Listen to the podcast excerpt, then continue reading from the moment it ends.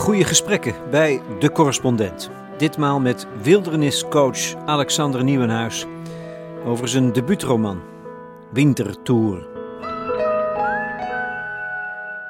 Ik ben geschoold, gymnasium, eh, conservatorium, et cetera. Uh, wat ik heerlijk vind aan de survival is dat het is wat het is. Of zo, weet je, de, de, de, groeit naast de brandnetel. Prik jezelf maar even met de brandnetel. Doe er maar een beetje weegbree over. Weet je, that's it. Of dat weet ik zelfs nog. Precies. maar, maar ik bedoel, om maar even een heel simpel voorbeeld te geven. Uh, of, of uh, oh, uh, kampvuur, kun je, met, met kolen kun je water filteren. met, met de kolen van een kampvuur of zo. Het is, het, de mentaliteit is heel simpel. Werkt het, dan is het goed. En als het niet werkt, moet je uitzoeken waarom het niet werkt. En dat, als je dan gaat over, over intuïtieve kennis...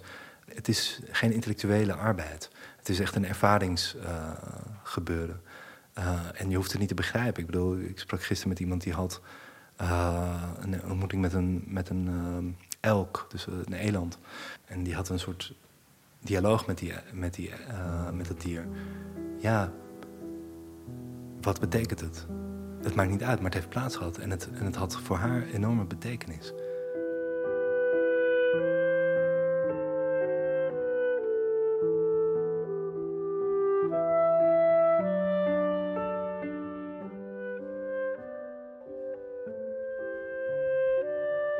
Alexander Nieuwenhuis studeerde aan het Koninklijk Conservatorium in Antwerpen. En hij is wilderniscoach, lees ik op de flap van zijn intrigerende debuutroman Wintertour. Zoiets maakt nieuwsgierig. Zijn verhaal gaat over een man die leeft in de bossen van Zwitserland. Hij heeft zich teruggetrokken uit de bewoonde wereld omdat hij er tabak van heeft, van de manier waarop wij leven met z'n allen.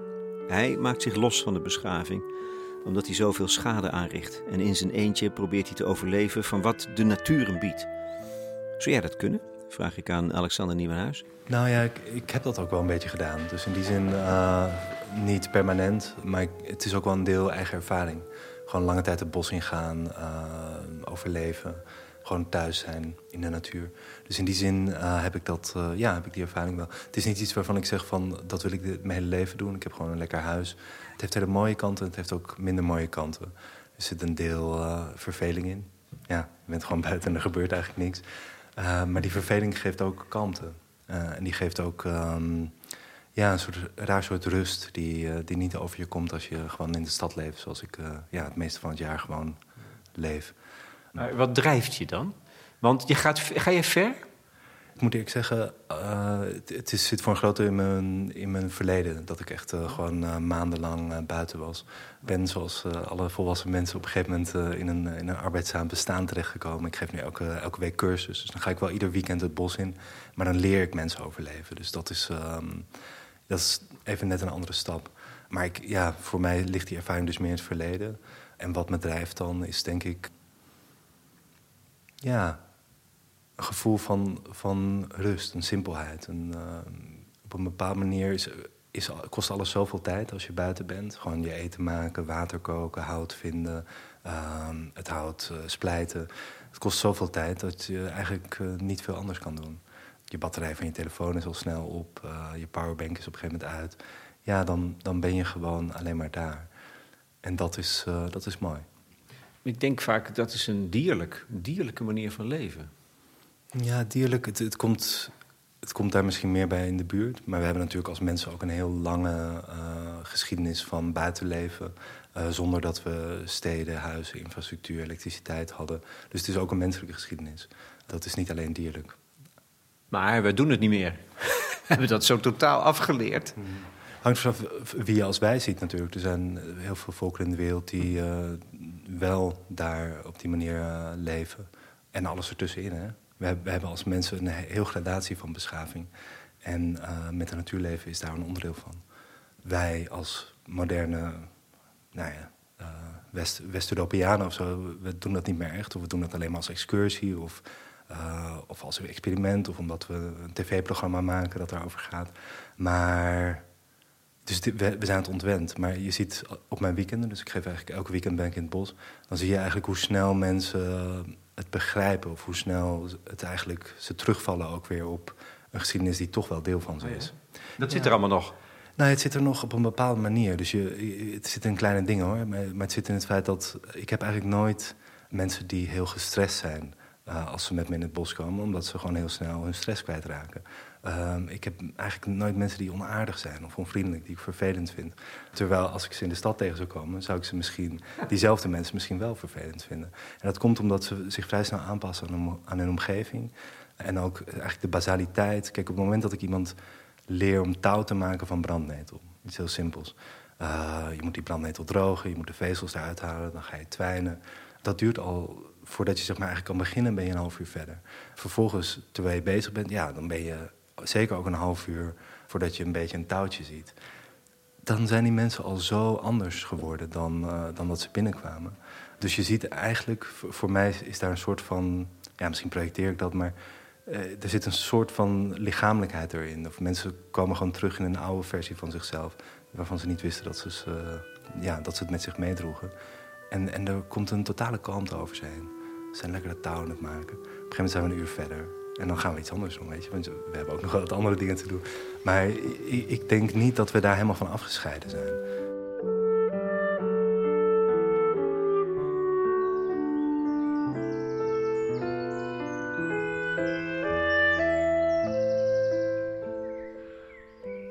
Sebastião nam me onder zijn hoede. We brachten lange dagen door in het bos. Jarenlang heb ik geluisterd en gekeken. Ik leerde waar de vlinders slapen. Dat de sporen van een otter aangeven dat je in het water kunt drinken omdat het zuiver is. Dat de takken van een boom vaak weggroeien van de algemene windrichting, waardoor je als je verdwaalt gemakkelijk de weg terug kunt vinden. Dat je een bananenboom kunt omhakken om er water uit te drinken. Welke mieren je kunt eten en welke je kunnen doden. Echte kennis. Op een dag gingen we naar een vallei hoog in de Andes toen er grote donderwolken in de lucht ontstonden, maakten we in het dal hoge vuren in een grote cirkel. Op die manier deden we een hete luchtstroom ontstaan, die de wolken wegdrukte naar de volgende vallei, waarna het opklaarde. Zoiets had ik nog nooit in mijn leven gezien. In het bos zei Sebastião dat ik moest kijken naar hoe de planten bewogen. Ik begreep niet wat hij bedoelde. Ik had altijd gedacht dat planten niet bewogen. Hij liet me alleen en na een paar uur zag ik het. De planten staan niet stil. Ze bewegen zachtjes. Ze reageren niet alleen op de wind en de zon. Ze proberen dingen uit, ze willen dingen, ze beschermen zich tegen dingen. De dieren die ze eten schrikken ze af met bittere smaken, waar veel dieren niet van houden. Maar deze stoffen zijn goed tegen bepaalde ziektes. Dus als dieren ziek zijn, eten ze juist van planten die die bittere stoffen aanmaken. Door lange tijd in het bos te zijn, zag ik hoe ongelooflijk verfijnd alles op elkaar is afgestemd. Ik leerde hoe ik dichter bij dieren kon komen zonder ze te laten schrikken. En na verloop van tijd maakte ik kennis met ze, één voor één. Soms kwamen ze heel dichtbij. Een apin, die ik Anna noemde, kwam op mijn been liggen terwijl ik tegen een boom zat. Ze liet zich aaien, lag heel rustig en viel na verloop van tijd in slaap. Ze maakte kleine bewegingjes met haar gezicht en haar armen toen ze begon te dromen. En terwijl ze droomde op mijn been, was er niets in mij wat nog betwijfelde dat Anna bewustzijn had. Ik voelde hoe er iets in mij veranderde. Dat ik nu net zo tot het bos behoorde als de rest.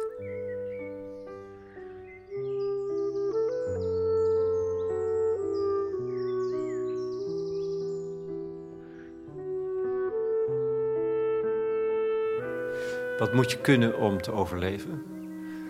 Hmm. Ik denk dat, dat het er voor deel om gaat om, uh, over de kennis die je met je meebrengt. Uh, kijk, overleven is één, goed voorbereid zijn. En twee, goed voorbereid zijn voor als je niet goed voorbereid bent. En hoe doe je dat dan? Nou, dat, dat gaat over basiskennis. Dus dat gaat over het feit dat, stel, nou ja, slecht scenario. Uh, je, bent, uh, je rugtas valt in de rivier of zo. En je bent hem kwijt. Kan gebeuren. In de survival gebruiken we altijd dat soort scenario's. meer om de verbeelding te prikkelen dan, dan omdat het heel waarschijnlijk is dat het gaat gebeuren. maar stel, je, je, je, je is in de, in de rivier gevallen en je hebt alleen nog wat je op je lichaam droeg. Je bent bovendien de weg kwijt. Laten we het even nog verergeren. Uh, je weet niet waar je heen moet en uh, de zon begint al onder te gaan. Ja, het is een beetje contra-intuïtief, maar wat je dan moet doen is niet zozeer zoeken totdat je de weg weer vindt. Je moet aan jezelf erkennen dat je verdwaald bent. Uh, dat, dat je hulpeloos bent. en dat je voor jezelf moet gaan zorgen. En voor jezelf zorgen betekent niet eten zoeken. Eten is je laatste prioriteit. voor jezelf zorgen betekent zorgen dat je een plek hebt. Dus dat je een plek hebt die je enigszins tegen de elementen beschermt, mocht dat nodig zijn. Uh, en vanuit die plek, namelijk stel is, als het dan ook nog regent, laten we nog een schepje erbovenop doen, uh, dan heb je ongeveer drie uur voordat je onderkoeld kan beginnen raken. Voordat, voordat je ziek kan worden of voordat eigenlijk de elementen met je gaan spelen op zo'n manier dat het alleen maar bergafwaarts kan gaan. Dus da dat is je eerste prioriteit. Een, een, shelter bouwen. Dat kan zijn met spullen die je toevallig op je lichaam droeg. Als je bijvoorbeeld zo'n zo'n zo'n gouden uh, dekentje met je meedraagt, zo'n uh, zo'n warmtedeken, dan kun je daar heel goed een, een bescherming van, van bouwen. Ja, maar je bent je rugzak kwijt. Ja, ja maar stel je terug gaat op je lichaam. Kijk, in, in de survival gaan we er sowieso vanuit dat je een aantal dingen op je lichaam draagt. De ene is een mes en de andere is een fire, fire striker. En die fire striker zorgt ervoor om vuur te maken. Het is een soort magnesiumstaaf die heel betrouwbaar is. dus dat zijn, dat zijn de echt elementaire dingen. Mes en vuur. Ja, mes en vuur. Als je dat hebt, dan, dan zou je je overal uit moeten kunnen, kunnen halen. En vooral vanwege het feit dat, uh, ja, uh, daar, daar kun je je shelter mee bouwen. Daar kun je, uh, als je een vuur hebt en een shelter, dan kom je de nacht door. En vanaf daar kun je vervolgens de weg gaan zoeken. Want dat is een, een tweede. Als je gaat, gaat lopen in een bepaalde richting... en je denkt je loopt recht, rechtuit, maar je bent in het bos... dus je, je weet niet, je hebt geen markeringen om te zien of je inderdaad rechtuit gaat. Alle mensen hebben twee verschillende lengtes aan benen. Dus dat betekent dat je een rondje gaat gaan. Ja, en dat is natuurlijk, als je dan uh, vier uur hebt gelopen en je dacht dat je rechtuit ging, en je komt op een gegeven moment terug op de plek waar je was, ja, dan begint de paniek. Ja, omdat je dacht dat je rechtdoor ging en je, en je komt terug waar je was.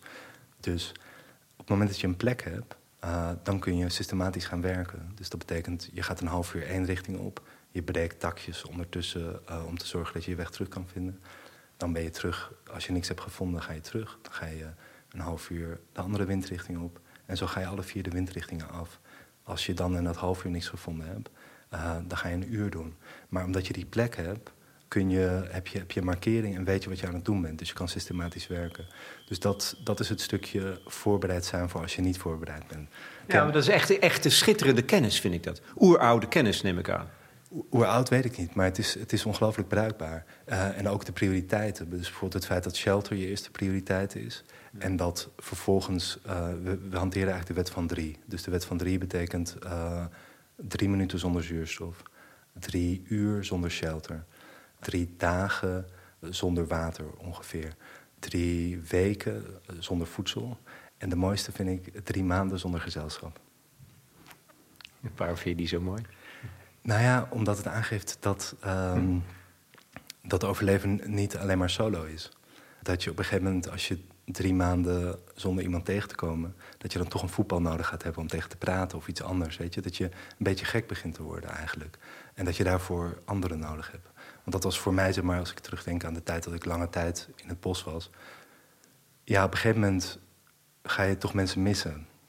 Of zo, of je, je vrienden, of je dat is een van de nadelen van in je eentje in het bos overleven. Dat je, als je het lang genoeg doet, dat je dan uh, sterk gaat verlangen naar ingebed zijn in een, in, een, uh, in een omgeving. En ik denk ook, ik bedoel, survival is natuurlijk iets wat je altijd solo... of denken we van, oh ja, je moet het in je eentje oplossen. Als we teruggaan naar in de geschiedenis, dan zien we eigenlijk dat mensen altijd overleefd hebben als groep. Uh, dus nooit in, in hun eentje.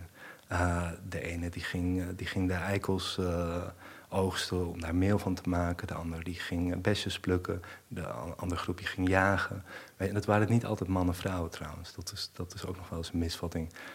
Dat de mannen alleen maar gingen jagen en de, en de vrouwen alleen maar gingen oogsten. Um, maar dat kon je niet doen in je eentje. Dus al die vaardigheden, die, dat zijn maatschappelijke vaardigheden in feite. Ja. Nou schrijf jij toevallig een roman over zo'n eenzaad. En als je ze tegenkomt, moet je, moet je dat eigenlijk wantrouwen dus? Nou ja, kijk, die eenzaad uh, waar ik over schrijf... die gaat ook naar de supermarkt om, uh, om restafval... of zeg maar dingen die zijn weggegooid. Dus die is ook nog maatschappelijk. En bij hem komen ook nog mensen langs, langs de weg. Uh, dus het is um, waar die gesprekjes mee heeft en die foto's van hem nemen. Dus zelfs de complete eenzaad is nooit helemaal alleen.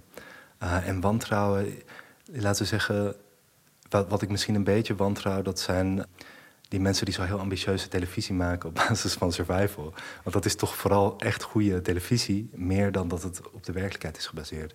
En natuurlijk is het, is het enorm impressionant om, uh, weet ik wat, in een, was iemand die ging in een kameel slapen of zo. En die ging zijn eigen pis opdrinken en al die dingen. En dat scoort enorm goed uh, op televisie. Maar ik denk zeg maar, dat het met de werkelijkheid niet zo heel veel te maken heeft. Als we in dat thema, wat ik denk dat de beste show is, is de Alone Show. Uh, dat, daar worden mensen, het is op History Channel, worden mensen gewoon in een wildgebied, in een, een gebied met, uh, ja, met, prooi, met hoe zeg je dat, predators.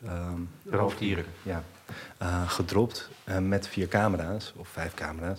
En degene die het langste uithoudt, die krijgt een miljoen. Of een half miljoen, ja. Heb je niet de behoefte om daar kandidaat te zijn? Je zou het kunnen. Eerlijk, ik ben nog niet goed genoeg om dat te doen. Mijn leraar, ik, ik heb uh, opleiding gevolgd uh, in Eibergen.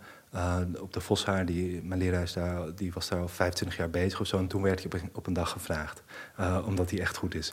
Dus, en ik weet van mezelf, van als ik dat nu zo zou doen, dan zou ik een kleine kans maken. En ik wil zoiets alleen doen als het, als het realistisch is. Want mensen die, ja, die gaan langere tijd zonder, um, zonder genoeg eten.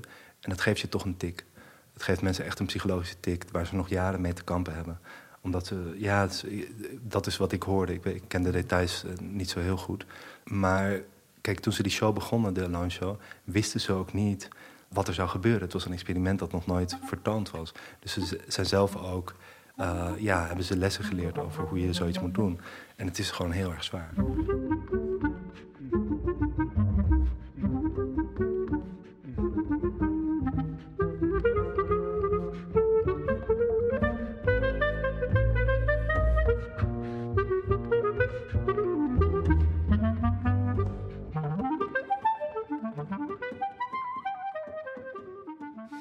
Je spreekt over een periode in het verleden. Dat je zo'n soort leven hebt geleid. Kan je er iets over vertellen? Is dat zo? Dat je, je leefde in het bos, zei je? Nou ja, af en aan. Oké. Ik ben in 2009 afgestudeerd uh, aan het Herman Teirlink in, uh, in Antwerpen... Met een, met een project in een kerk. Uh, ik had een kerkje gevonden in de haven... wat zes meter onder de grond lag, want ze hadden die hele haven opgehoogd. maar dat kerkje konden ze niet ophogen. En daar interviewde ik mensen over vakmanschap. Dat was mijn eind, eindvoorstelling. en aan het eind van die voorstelling met Freek Viele... zei ik eigenlijk... ik keek eigenlijk naar de wereld en ik zag dat het ja, best wel mis aan het gaan was. Ja, toen die conferentie in Kopenhagen ook. En, en ik zag van ja, hey, dit gaat niet, niet de goede kant op. Waarom zou ik kunst maken als we als wereld uh, de boel aan het verkloten zijn? Dus dat zei ik ook aan het eind van het stuk. Ik zei, jongens, ik, ben weg.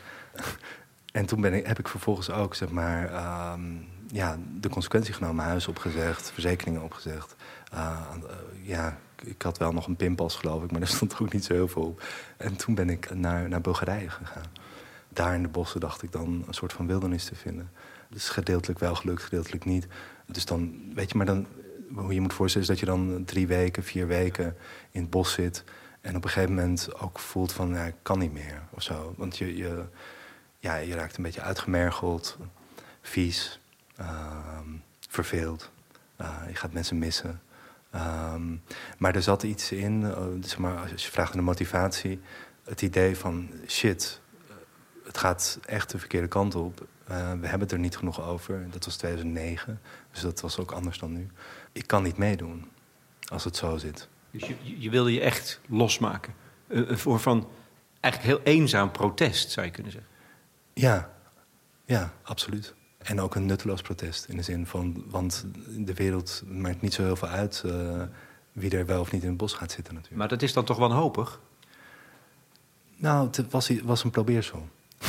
ja, je moet gewoon dingen proberen.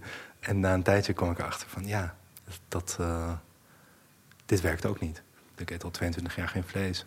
Als je de cijfers bekijkt over de productie van, en de consumptie van vlees in Nederland... Uh, dan gaat dat over het algemeen omhoog. Uh, ondanks de perceptie die we hebben van... oh, we worden allemaal meer vegetariër, et cetera, et cetera. Ja, je moet dingen proberen. Uh, ik denk dat in zekere zin het boek wat ik uh, nu geschreven heb... ook zo'n poging is. Ja. Overigens, als het gaat om die ervaring in Bulgarije... heeft het je ook veranderd? als mens, in je houding tegenover de wereld? Heeft het ook iets opgeleverd? Ja, een schat aan ervaring, denk ik. Zeker wel. Ja, ik denk dat voor mij, zeg maar, de, zijn er is een aantal dingen. Eén is dat een soort van zo sprekende uh, verbinding met buiten zijn. Die is toen gelegd en ik ben dat later pas, uh, laten zeggen, professioneel gaan doen. Daar ook meer kennis over gekregen. Maar gewoon het idee dat buiten fijn is. Ook als het een beetje regent, ook als het bewolkt is, of zelfs als het erg koud is. Dat buiten in sommige gevallen, of in veel gevallen, eigenlijk te verkiezen valt boven binnen omdat je je. Misschien, laat ik het als vraag formuleren. Is het dan zo dat je daar verbinding voelt buiten? Ik zou het eh, puur beschrijven als meer feedback. Dus je, in de zin van, uh, je krijgt veel meer informatie binnen. Informatie die, die ons lichaam al, al ik weet niet hoeveel tienduizenden jaren al binnenkrijgt. Terwijl als je, als je nu, zoals we nu binnen zitten... ja, je hebt een muur en dat blijft gewoon de muur.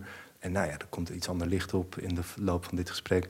Maar that's it of zo. Terwijl op het moment dat je, dat je in een bos bent, ja, je hebt vogels, je hebt, uh, je hebt een veel grotere variëteit aan insecten, uh, aan, aan, voeding, echt, aan, gewoon aan resonantie.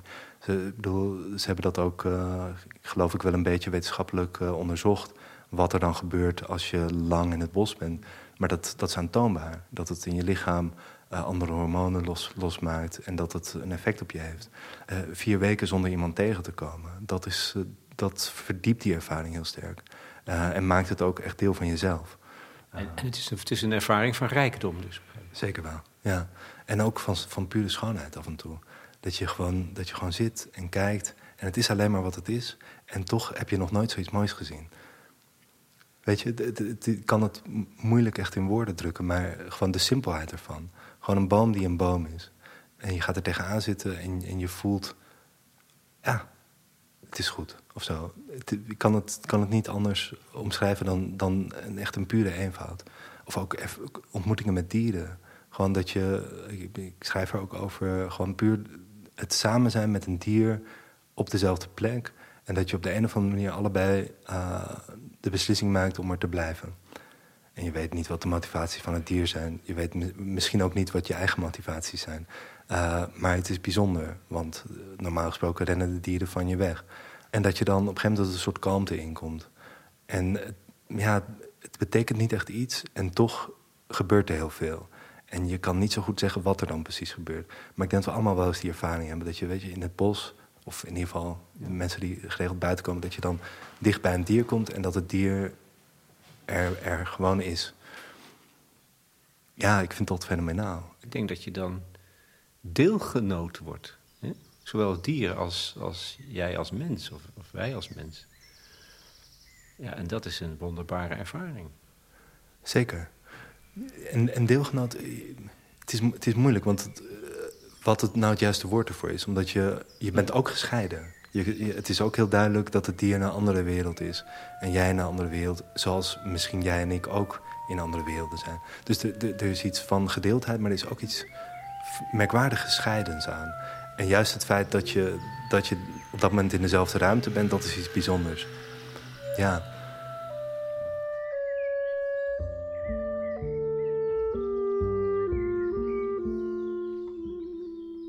Olifanten zijn net als wij gewoon om hun doden te begraven. Als er een olifant overlijdt, proberen de anderen hem eerst nog met hun slagtanden rechtop te zetten. In een voor veel waarnemers hartverscheurend tafereel. Pas als blijkt dat het dier echt niet meer rechtop te zetten valt, blijven zij met de hele kudde rondom het lichaam staan, waarbij volgens sommige onderzoekers hun rouwe bijna tastbaar is. Vervolgens bedekken ze het lijf van de overledene onder een hoopje aarde dan gaan ze in de omgeving op zoek naar takken om over het lichaam te leggen. Zelfs als er nog jagers in de buurt zijn die met een haal van de trekker nog een slachtoffer zouden kunnen eisen.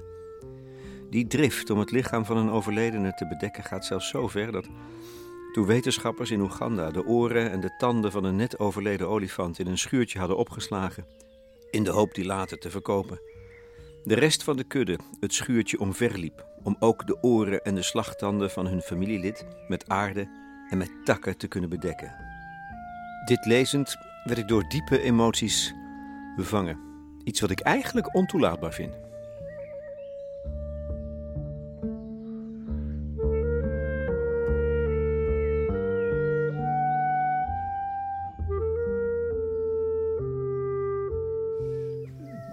Dus er staat, Alexander, één rare zin in je boek. Dat ik verder fascinerend vind en, en ehm, heel veel oproept. En dan heb je net een, een ritueel beschreven van rouwende olifanten. En vlak daarna lees ik het zinnetje... Diepe emoties vind ik eigenlijk ontoelaatbaar. Nou, je zit nu breed te grijnzen. Ja, ik, ik, vind dat een leuke zin, omdat juist dat ritueel met die olifanten, dat trekt mij enorm de diepte in. Want ik denk... De, de, diepte van je eigen emotie? Ja, van mijn eigen emotie. Omdat ik denk van, my god. Die, kijk, ik, ben, ik, ik en misschien jij ook. We zijn opgegroeid in een tijd waarin eh, vermoedelijk nog werd gezegd... dieren, dat zijn een soort van dingen. Het zijn een soort machines. Het lijkt wel alsof ze pijn kunnen lijden... maar dat is eigenlijk maar een grapje of ze doen alsof. En je mag er eigenlijk gewoon alles mee doen wat je wil. Uh, dat was het, ja, tot, tot nog niet zo heel lang geleden was het paradigma. Uh, en we zijn nu in een tijd dat we dat, onder andere door Frans de Waal en andere onderzoekers, dat, dat we veel meer begrijpen over de gradaties van het rijke leven dat dieren kunnen hebben. Hun emoties. Het feit dat, dat ze pijn kunnen voelen. En, en zelfs zo'n zo diepe menselijke emotie tussen haakjes als rouwen, wat die olifanten dus doen. En dat fragment dat je voelt van, oh, maar dit, dit was zo'n grote vergissing. Om te denken dat die dieren een soort machines waren... die we gewoon mochten doden en weet ik wat niet. Dat was zo'n grote vergissing. En dus dat trekt mijzelf heel enorm de diepte in. En, en misschien ook de lezer. En wat ik dan juist heel grappig vind, is om te zeggen van... oh ja, maar, maar daar doen we nu even een dekseltje op... en we gaan door naar het volgende onderwerp. Dat, dat heeft iets heel komisch. Uh, ja, het is een zelfspot ook eigenlijk. Het is ook zelfspot.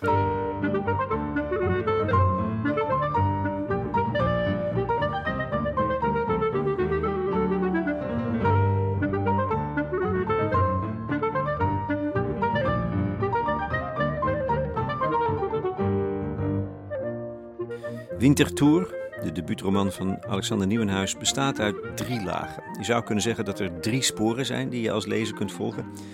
En die lijnen worden in een eenvoudige constructie met elkaar in verband gebracht.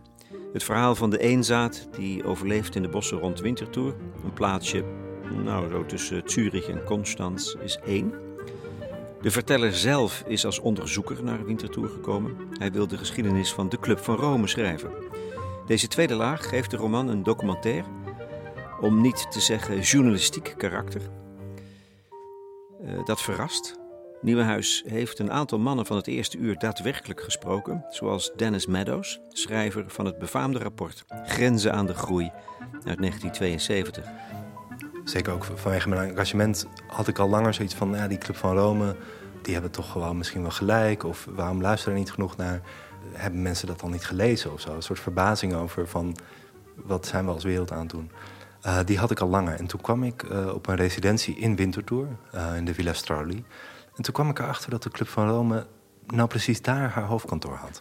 In een heel klein provinciaal stadje eh, in Zwitserland... waar, waar eh, de Zwitsers zelf geloof ik nog wel, nog wel eens neerbuigend over doen. Dus eigenlijk in een, in een uithoek van Zwitserland eh, zit die enorm beroemde...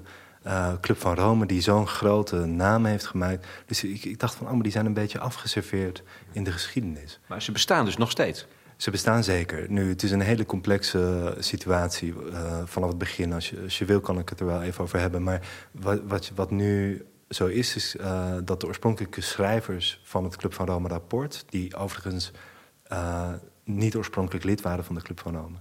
die zijn allemaal uit de Club van Rome gestapt. Dus de Club van Rome die leeft voort en die agendeert... en die doet af en toe een onderzoek en die, die lanceert wel eens een petitie. Maar dat staat eigenlijk helemaal los van de puur wetenschappelijke inspanning die in, in 1971 en 1972 werd verricht. Uh, Dennis Meadows, dus de oorspronkelijke schrijver van het rapport... die is er in de jaren 90 al uitgestapt. Die zei van ja, het is nu 20 jaar later... de Club van Rome beroemt zich nog steeds op mijn rapport. Als je in 20 jaar niks nieuws kan verzinnen... dan moet je misschien jezelf opheffen. Dus dat, dat, is, dat was zijn standpunt. En dat rapport is Grenzen aan de Groei, hè? Oh ja, excuseer. Ja, Grenzen aan de Groei. maar dat is geschiedenis. Het is 50 jaar geleden, het is geschiedenis. Terwijl het, dat is het verschrikkelijke natuurlijk. En dat is denk ik ook waarom jij er, uh, je erin wil verdiepen. Het is razend urgent wat ze toen al schreven. Zeker. En, en het mooie daarin is, is dat het ook uh, het was echt een wetenschappelijke uh, inspanning. In de zin van, ze zeiden niet, zoals later werd beweerd... de olie is in 1992 op en, uh, en dan is het kobalt op... en dan is de, weet ik wat, de koper op. Ze zeiden van, kijk, op basis van historische data... dus van 1900 tot 1970, grosso modo... Um, berekenen ze zeg maar, de relaties tussen vijf verschillende factoren. landbouwgrond, financiën, grondstoffen, bevolkingsgroei... Uh, en dan was er nog eentje. Nou. En ze zeiden van, we, we, gaan, um, we gaan op basis daarvan gaan we toekomstprojecties doen. En, en we doen er twaalf. Dus gewoon random, want we weten ook dat de toekomst niet te voorspellen is. En in de ene gaan we onmiddellijk de bevolkingsgroei begrenzen... en investeren in uh, duurzame energie in 1972. Dat was een goede, goede timing geweest. Uh, en in de andere gaan, laten we het onbegrensd. En, en, uh, en gaan we zelfs veel meer intensieve energie gebruiken. Dus ze, ze deden verder geen enkele uitspraak over wat nou het beste scenario was. Maar ze, ze, ze, ze deden van, nou, dit zijn twaalf mogelijkheden. En vervolgens kwamen ze erachter dat in al die twaalf scenario's... ergens tussen 2020 en 2050 wereldwijde groei zou stagneren en krimp zou beginnen. Maakt niet uit welke je kiest. Ook als je in 1972 de bevolking al zo had begrensd... en al op, uh, op duurzame energie had ingezet. Het, het, zou, zeg maar, uh, het zou gaan dalen. En zij zeiden in 1972, zullen we ons daarop voorbereiden? Dat was de propositie, meer was het niet. Nu, in de media werd, werd het opgepikt als apocalyps bedreigt de wereld... dan is de olie op, dan... Omdat ze, ze hadden een aantal grafiekjes in hun rapport verwerkt... om het concept van exponentiële groei duidelijk te maken. Wat voor veel mensen op dat moment nog ja, niet, niet zo behapbaar was. Ja, science fiction was denk ik ook, hè? Een beetje uh, maar het is vooral, uh, ze zijn eigenlijk afgerekend, ongeveer in de jaren negentig, niet op hun wetenschappelijke werk, maar op hoe media over hun geschreven heeft. En dat is, uh, dat is ongelooflijk tragisch.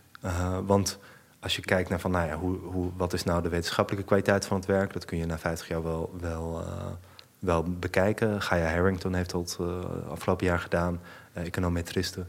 en die komt erachter, nou, van twee van die scenario's komen eigenlijk best wel dicht bij het historisch verloop. Ja, als het dan belangrijk zou zijn, uh, heeft het nou een voorspellende waarde gehad? Wat overigens volgens de schrijvers niet de belangrijkste kwaliteit was. Maar als je dat dan toch als maatstaf neemt, dan klopt dat eigenlijk wel. Je moet vaststellen dat ze briljant waren. Nou ja, in zekere zin. Kijk, eh, de, de man die het model uh, wat aan basis stond van, van, de Club van, Rome, van het Club van Rome rapport... was een van de briljantste mensen van de afgelopen eeuw, Jay Forrester. Was iemand die, sommigen noemen hem de uitvinder van de computer. Iemand die zijn eigen computers bouwde, die vervolgens een, wat patenten aan IBM heeft verkocht, wat hun geen windeieren heeft gelegd, zeg maar. Het was, het was een hele briljante man. Um, en, hun, en het werk wat ze hebben gedaan is heel erg consequent en wetenschappelijk heel zuiver. Dus dat, dat maakt het zo'n moeilijk verhaal. juist die wetenschappelijke zuiverheid zorgt dat ze zwak zijn voor aanvallen. Maar het zijn geweldige uh, kerels. Wat ik bijzonder vind is dat ze niet, geen van allen zijn echt bitter. Ja. Zijn allemaal um, bezorgd en, en, ze denken ook, ja, zijn overtuigd van, van hun gelijk.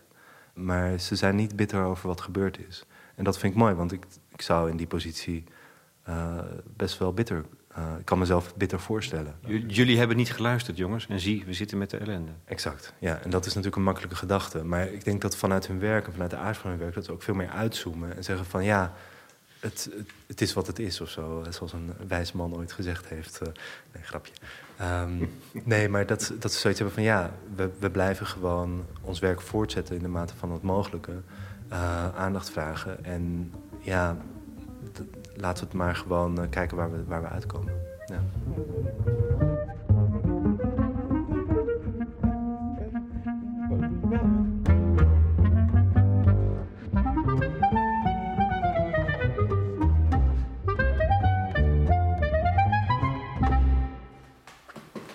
Je geeft voor, voor mij een soort sleutelzin al op pagina 12. Wie de toekomst voorspelt, wordt niet gehoord als de voorspelling overeenkomt met de diepste angsten. Hmm. Als je nou je afvraagt van waarom hebben we niet geluisterd, hier raak je misschien wel aan een, aan een diepere verklaring. Dat het onze angst aansprak. En dat we dan dus niet goed reageren. Ja, ik denk in zekere zin, kijk, de, de boodschap van uh, grenzen aan de groei, dat gaat over, ja, we, gaan op een gegeven moment krimpen. Uh, hoe gaan we het aanpakken? Dat is het eigenlijk heel, heel simpel. En zolang er groei is, kunnen we zeggen van, kunnen veel beloven aan iedereen. En zeggen van, nou, we gaan allemaal een beetje vooruit. Op het moment dat, dat er krimpen in gaat zetten, dan wordt het waar gaan de klappen vallen. En als het, als het gaat over waar gaan de klappen vallen, dan gaat het impliciet uh, nou ja, over, over teruggang. Maar in extreem kan het gaan over conflict, kan het gaan over, over hongersnood, over, over droogte, over mensen die echt buiten de boot vallen, zoals op dit moment al zeer sterk het geval is. Uh, niet, niet per se binnen onze radar, maar er zijn ongelooflijk veel mensen die op dit moment al uit de, buiten de boot vallen vanwege klimaatgerelateerde problemen. Dat is angstaanjagend, want dan gaat het over ehm, wie gaat het halen of zo. Hè? Maar angst is dus niet de goede uh, katalysator van gedragsverandering. Nee, angst is verlammend. Uh, of, of angst is verdovend. In de zin van, ja, of je wordt geïmmobiliseerd of je denkt, ik zie het niet. Is dat, is dat te relateren aan je ervaring als je overleeft in het bos? Ja, misschien op een heel primair niveau of zo. Dat je... Um, kijk, als je teruggeworpen wordt op jezelf en het, en, en het gaat erom... en dat heb ik ook wel een paar keer gehad... dan wordt het wel een andere werkelijkheid. Dus dan, dan voel je opeens hoe kwetsbaar we allemaal zijn. Uh, of hoe, kwetsbaar ik in ieder geval ben. Angst is zinvol op het moment dat je in de situatie bent. Dus uh, als er een beer op je afkomt en je hebt angst... en je gaat daardoor wegrennen en je denkt er verder niet over na... dan dat is een nuttig gebruik van angst. ik denk, het soort van problemen waar we tegenwoordig voor staan... dat is te veel, te veel omvattend en te groot om met die soort van primitieve angst benaderd te worden. Dus dan heb je niks aan die wildernisangst, uh, om het zo te zeggen. Je, je zou een angst moeten hebben die, die 10, 20, 50 jaar in de toekomst duurzaam blijft. Het is zo'n langgerekt probleem dat eigenlijk die, die angst die door een nieuwe situatie uh, wordt opgeroepen al veel te snel weer, weer uitdooft en niet duurzaam is. Waardoor je kan zeggen van, oh ja, er waren vorig jaar overstromingen in Limburg of zo. Ja, dat was vorig jaar.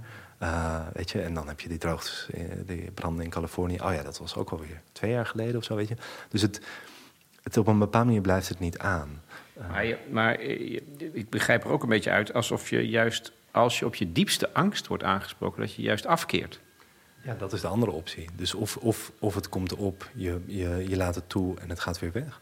Of het is zo confronterend uh, dat je het gewoon niet ziet. De vijand is groeien. Wat zij al wisten, de Club van Rome. Ja, vijand. Ik denk dat het probleem zit hem, zit hem ook vooral in het electoraal systeem zoals we het nu hebben. Dus je hebt politici die uh, worden verkozen voor een nou ja, bekende verhaal voor, voor een bepaalde periode. En als zij um, die, die boodschap serieus zouden nemen, inderdaad op krimp zouden aansturen, dan worden ze vermoedelijk niet herkozen. Dat is het idee. Kijk, ik ben niet per se tegen groeien helemaal.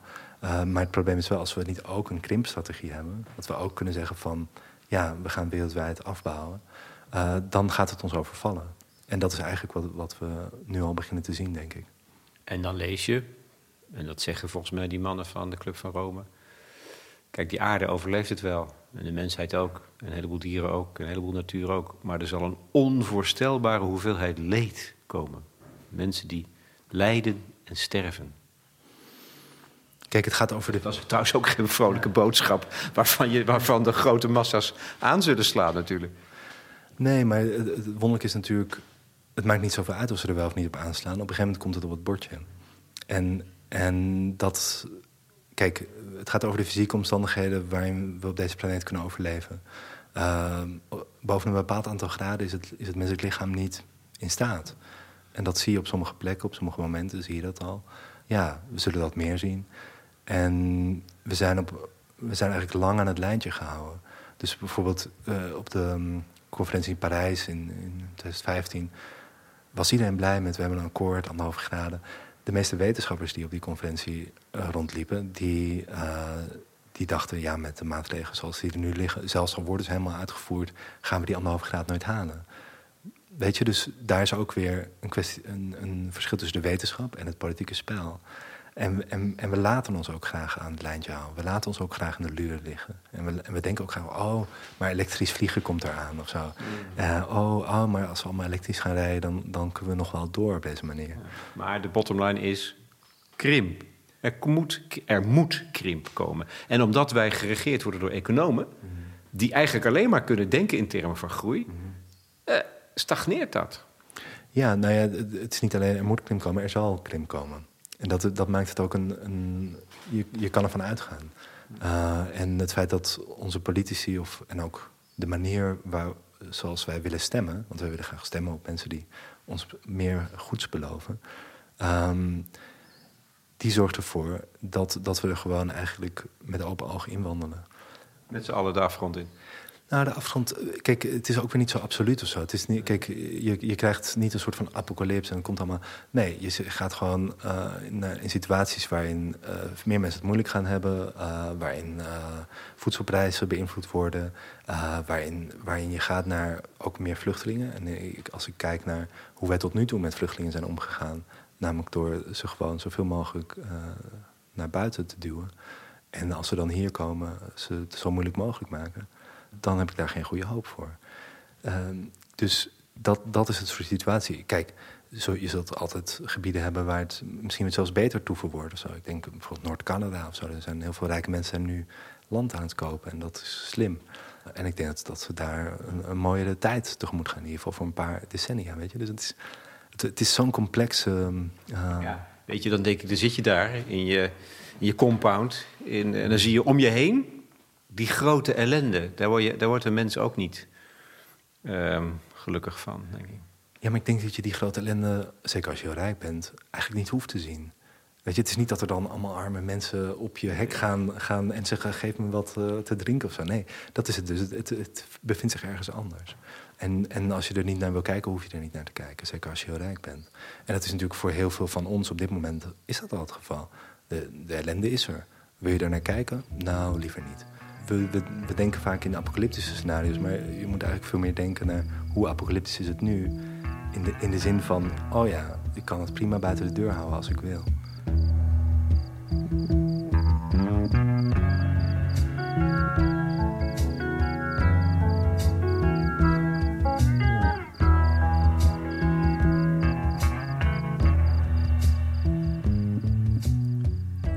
En dan is er nog een tweede Alexander.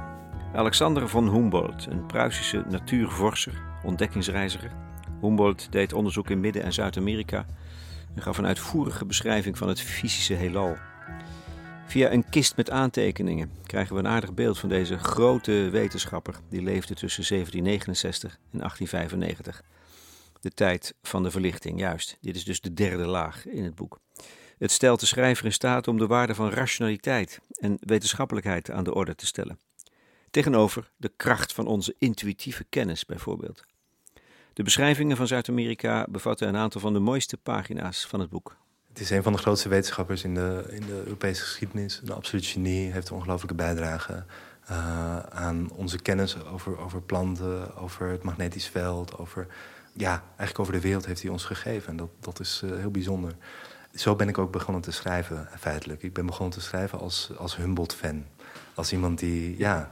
Je was echt fan? Zeker wel. Ik ben hem ook achterna gereisd. Ik ben naar Quito gegaan. Ik heb zijn paspoort gezien. Ik heb die, die Chimborazo beklommen, een vulkaan in, in uh, Ecuador. Ik ben ongeveer gekomen tot de plek waar hij ook is gekomen. We hebben het allebei niet, uh, niet kunnen bestijgen, uh, die berg. Dus ik, ik, ben inderdaad als fan begonnen. Ook door, geïnspireerd door een prachtige biografie van Andrea Wu. Een ongelooflijk mooi boek. Waarin ze hem echt letterlijk de hemel in prijst. En, en terecht, op heel veel gebieden. Wat ik, waar ik tijdens mijn schrijven meer naartoe ben gaan schrijven, gek genoeg... is dat er is een aantal dingen die wat minder over hem bekend zijn. Dus het feit dat hij... Hij heeft heel veel kennis die hij heeft gevonden in Latijns-Amerika. Dat heeft hij van, van inheemse groepen die hij niet noemt. Weet je? Dat was natuurlijk in, de, die tijd ook veel gebruikelijker. Uh, daar kom je tegenwoordig denk ik niet meer mee weg. En, en, en maar goed ook. Dat hij echt nog, nog dat oude um, beschavingsideaal van... oh ja, die inheemse mensen die zijn lager op de ladder... maar die komen op een gegeven moment wel op een punt... dat ze, dat ze ook uh, marmeren standbeelden gaan maken en zo. En, uh, en dat ze mooi gaan schilderen met perspectief. En, weet je, dat, dat idee wat, wat echt nog heel lang... en eigenlijk ook tot, tot, op, tot in mijn scholing in de jaren 80, 90... nog courant was, in zekere zin.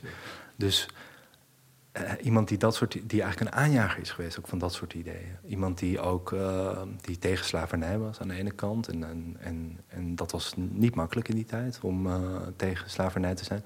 Maar die ook op het moment dat hij een gevluchte slaaf voor zich krijgt, ervoor, ervoor kiest om diegene niet te helpen, maar om te draaien, omdat hij bang is dat hij zijn boot zal stelen. Weet je? Dus het zijn, het zijn een beetje de, de wat donkerder kantjes van Humboldt, die, die, die verder ook ja, naast zijn genie, wat mij betreft, mogen bestaan. Het is niet dat het een hele slechte man was en dat ik hem onmaskerd heb. Maar het was ook gewoon een beetje een autistisch ventje. Kijk, ik, ik, afgezien van het feit dat hij rooft bijvoorbeeld, uh, en dat is die, ik, ik, denk dat dat is dan een symbool voor hoe wij als uh, westerse uh, cultuur en beschaving zijn omgegaan met andere culturen. Hij rooft geraamtes, mm -hmm. hè, die eigenlijk hij, nou dat is, dat is volgens mij een symbool voor je. Zeker wel. En het, wat ik heel mooi vind van, van dat stuk van het boek... is dat zijn gidsen zeggen van nee, dat moet je niet doen. Dat, dat gaat hele erge gevolgen hebben. Gewoon op een spiritueel vlak. Um, en dat hij zegt van nee, we gaan we gewoon doen. Uh, weet je, laat ze maar in. En dat ze dan uit, uit die grot komen en dat er overal vuurvliegjes zijn. En wat ik daar zo mooi vind is dat, is dat die vuurvliegjes zijn... Uh, in Latijns-Amerikaanse culturen zijn vaak voorvaderen. Het zijn echt de zielen van de voorvaderen.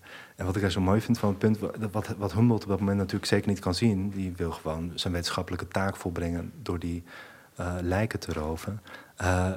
En, en, dat die vuurvliegjes dan langzaam golven, bij van spreken als een soort van getuige van, van wat hij doet. Dat vond ik mooi. En ja, ik denk dat het inderdaad een mooi symbool is, omdat we nu natuurlijk veel meer in een tijd zijn waarin we gaan praten over hé, hey, waar komen al die dingen in ons volkenkundig museum eigenlijk vandaan? En hebben die mensen dat misschien wel nodig? Willen ze dat niet terug?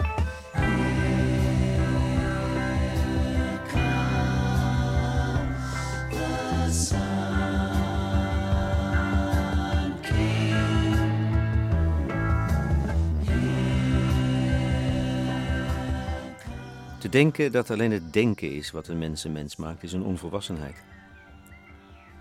Te denken dat de wereld bij de mensen stopt, is een onvolwassenheid. Het is een goed begin misschien om naar de mensenwereld te kijken, maar wie daar ophoudt, wie een leven lang alleen maar in dat domein blijft leven, kijken en ademen, die mist eigenlijk het grootste gedeelte. Die mist het domein van de andere wezens, de dieren, de planten, de schimmels, de mossen, de rotsen, de vuurvliegjes, de rivieren en het vuur. De wilde wereld. Het is niet makkelijk om er echt iets van te begrijpen. Je moet er jaren voor naar de natuur kijken de dieren leren kennen, echt leren kennen. Weten dat je een aap, die je op een afstand ziet, al een keer gezien hebt. Weten wat zijn gewoontes zijn, waar hij van houdt, waar hij niet tegen kan. Na een tijdje leer je hoe je hem kan roepen, zodat hij naar je toe komt, tot heel vlakbij. Daar gaat ongelooflijk veel tijd overheen. Het is een heel andere wereld waar je dan in belandt, een heel andere, veel tragere tijd.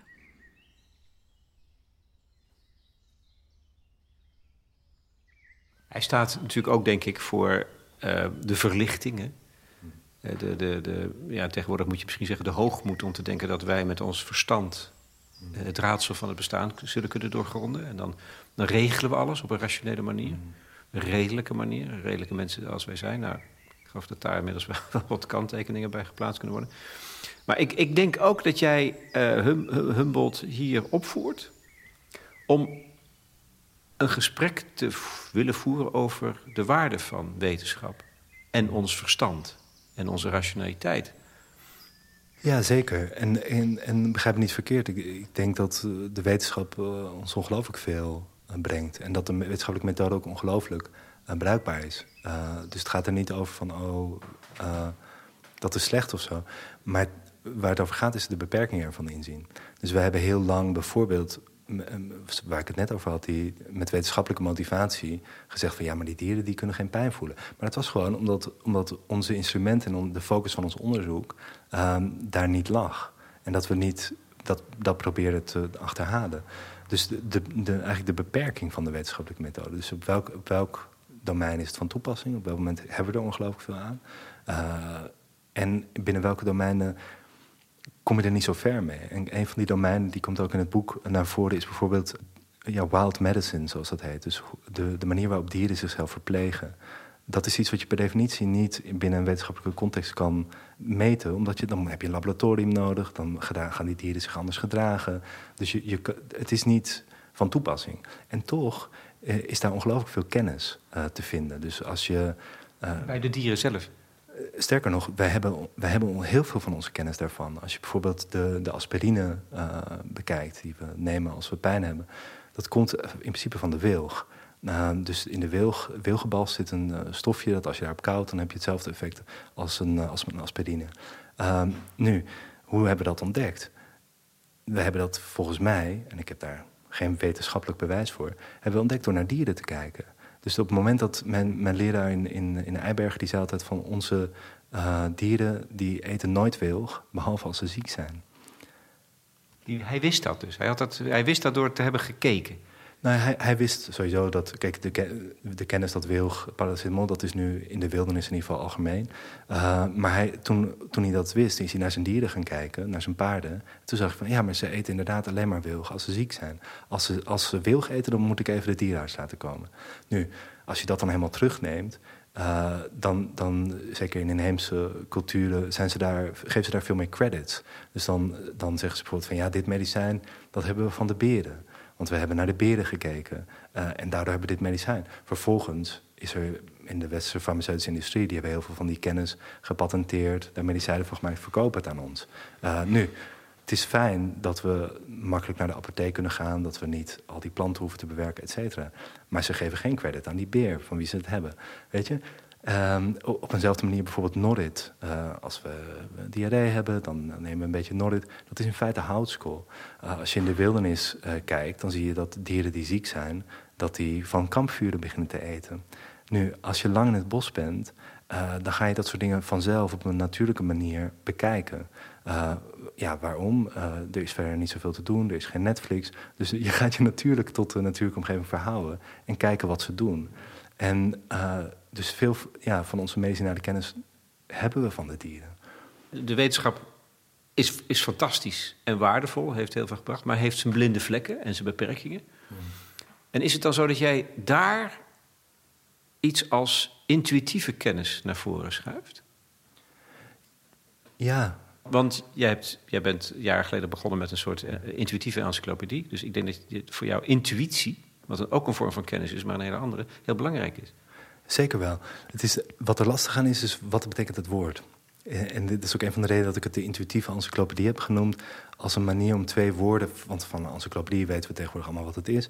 en van intuïtie weten we eigenlijk niet zo heel goed wat het is. Eh, dus daarom had ik die, die twee woorden naast elkaar gezet... om, om, om dat contrast te maken. Kijk, als het gaat over, over intuïtie, dan gaat het over 100% iets heel erg zeker weten... zonder dat je nou precies weet waarom, denk ik. Uh, en dat kan ik me ook voorstellen dat dat bijvoorbeeld bij die medicijnen zo is geweest. Dat je, kijk, je, je ziet die beer dat nemen, uh, je ziet hem uh, daarna een beetje opknappen, je gaat er zelf een beetje mee aan de haal.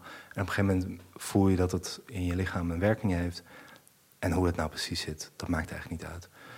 Um, dus ja, ik denk dat intuïtie daar, daar een heel belangrijke uh, rol in speelt. Het is natuurlijk een spannende discussie in een tijd waarin ook wetenschap in discrediet wordt gebracht juist als je op een bepaalde manier zou kunnen duidelijk maken hoe beperkt het ook is, naar, naar een publiek, maar ook naar wetenschappers zelf, dat je daardoor eigenlijk juist meer begrip gaat krijgen.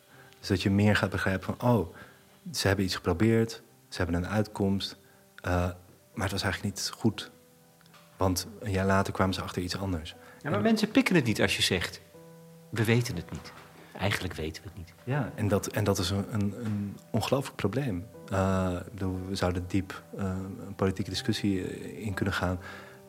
Maar ik denk dat als we begrip zouden hebben voor het falende karakter, voor het creatieve karakter, voor ook, ik bedoel, ik schrijf ook ergens van, ja, als je, als je nou wist hoe flinterdun de informatie is waarop we ons beeld over allerlei geologische tijdvakken überhaupt bepalen, dan is het onvoorstelbaar dat we, dat we een wetenschap hebben kunnen oprichten die min of meer serieus genomen wordt. Weet je, dus, dus juist, juist in, het, in het falen ervan of in, in de beperktheid ervan, denk ik dat als we, als we allemaal intellectueel eerlijk zouden zijn, wat natuurlijk uh, niet verondersteld kan worden, dat dat juist meer begrip zou moeten geven. Van wetenschappers zijn ook maar gewoon een stel gasten die, of, en vrouwen en uh, wie, wie allemaal. Maar wil die wetenschapper is uh, die iets proberen En soms lukt het. Of zo. En soms ook niet, weet je. En dat is oké.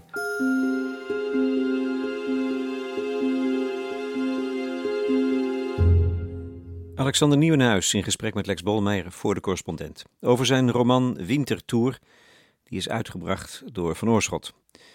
Het lijkt me leuk en goed om erover door te praten. Hebben jullie vragen of reacties? Of nog mooier, hebben jullie eigen ervaringen die je kunt delen? En een concrete vraag is: vertrouwen jullie op je intuïtie? En wat betekent dat dan? De bijdragesectie is toegankelijk voor leden van de correspondenten. Over het belang van dat lidmaatschap volgt zometeen nog een dringende mededeling. De muziek tenslotte. Vanuit het bos meldde Alexander op mijn vraag van welke muziek hij houdt modern klassiek. Ik zou gaan, schrijft hij, voor lichte klanken, klarinetten en dingen met stiltes erin. Nou, zo kwam ik uit bij de nieuwe CD van Martin Freust, Zweedse klarinetist, getiteld Night Passages. En later voegde hij daar nog aan toe Sun King van de Beatles, dat is prachtig.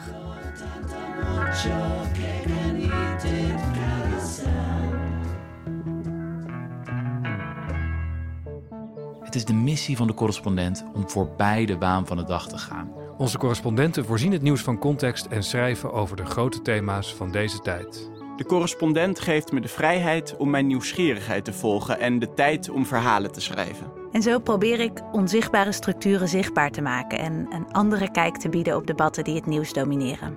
Dan gaat het minder over het spelletje en veel meer over wat er op het spel staat. Vanaf dag 1 zijn onze artikelen, boeken en podcasts gefinancierd door onze leden. Volg ons op onze journalistieke zoektocht. Overweeg eens lid te worden van de correspondent. En maak daarmee samen met ruim 70.000 anderen onze onafhankelijke journalistiek mogelijk. Dus word lid van de correspondent. Ja. Word lid. Word lid.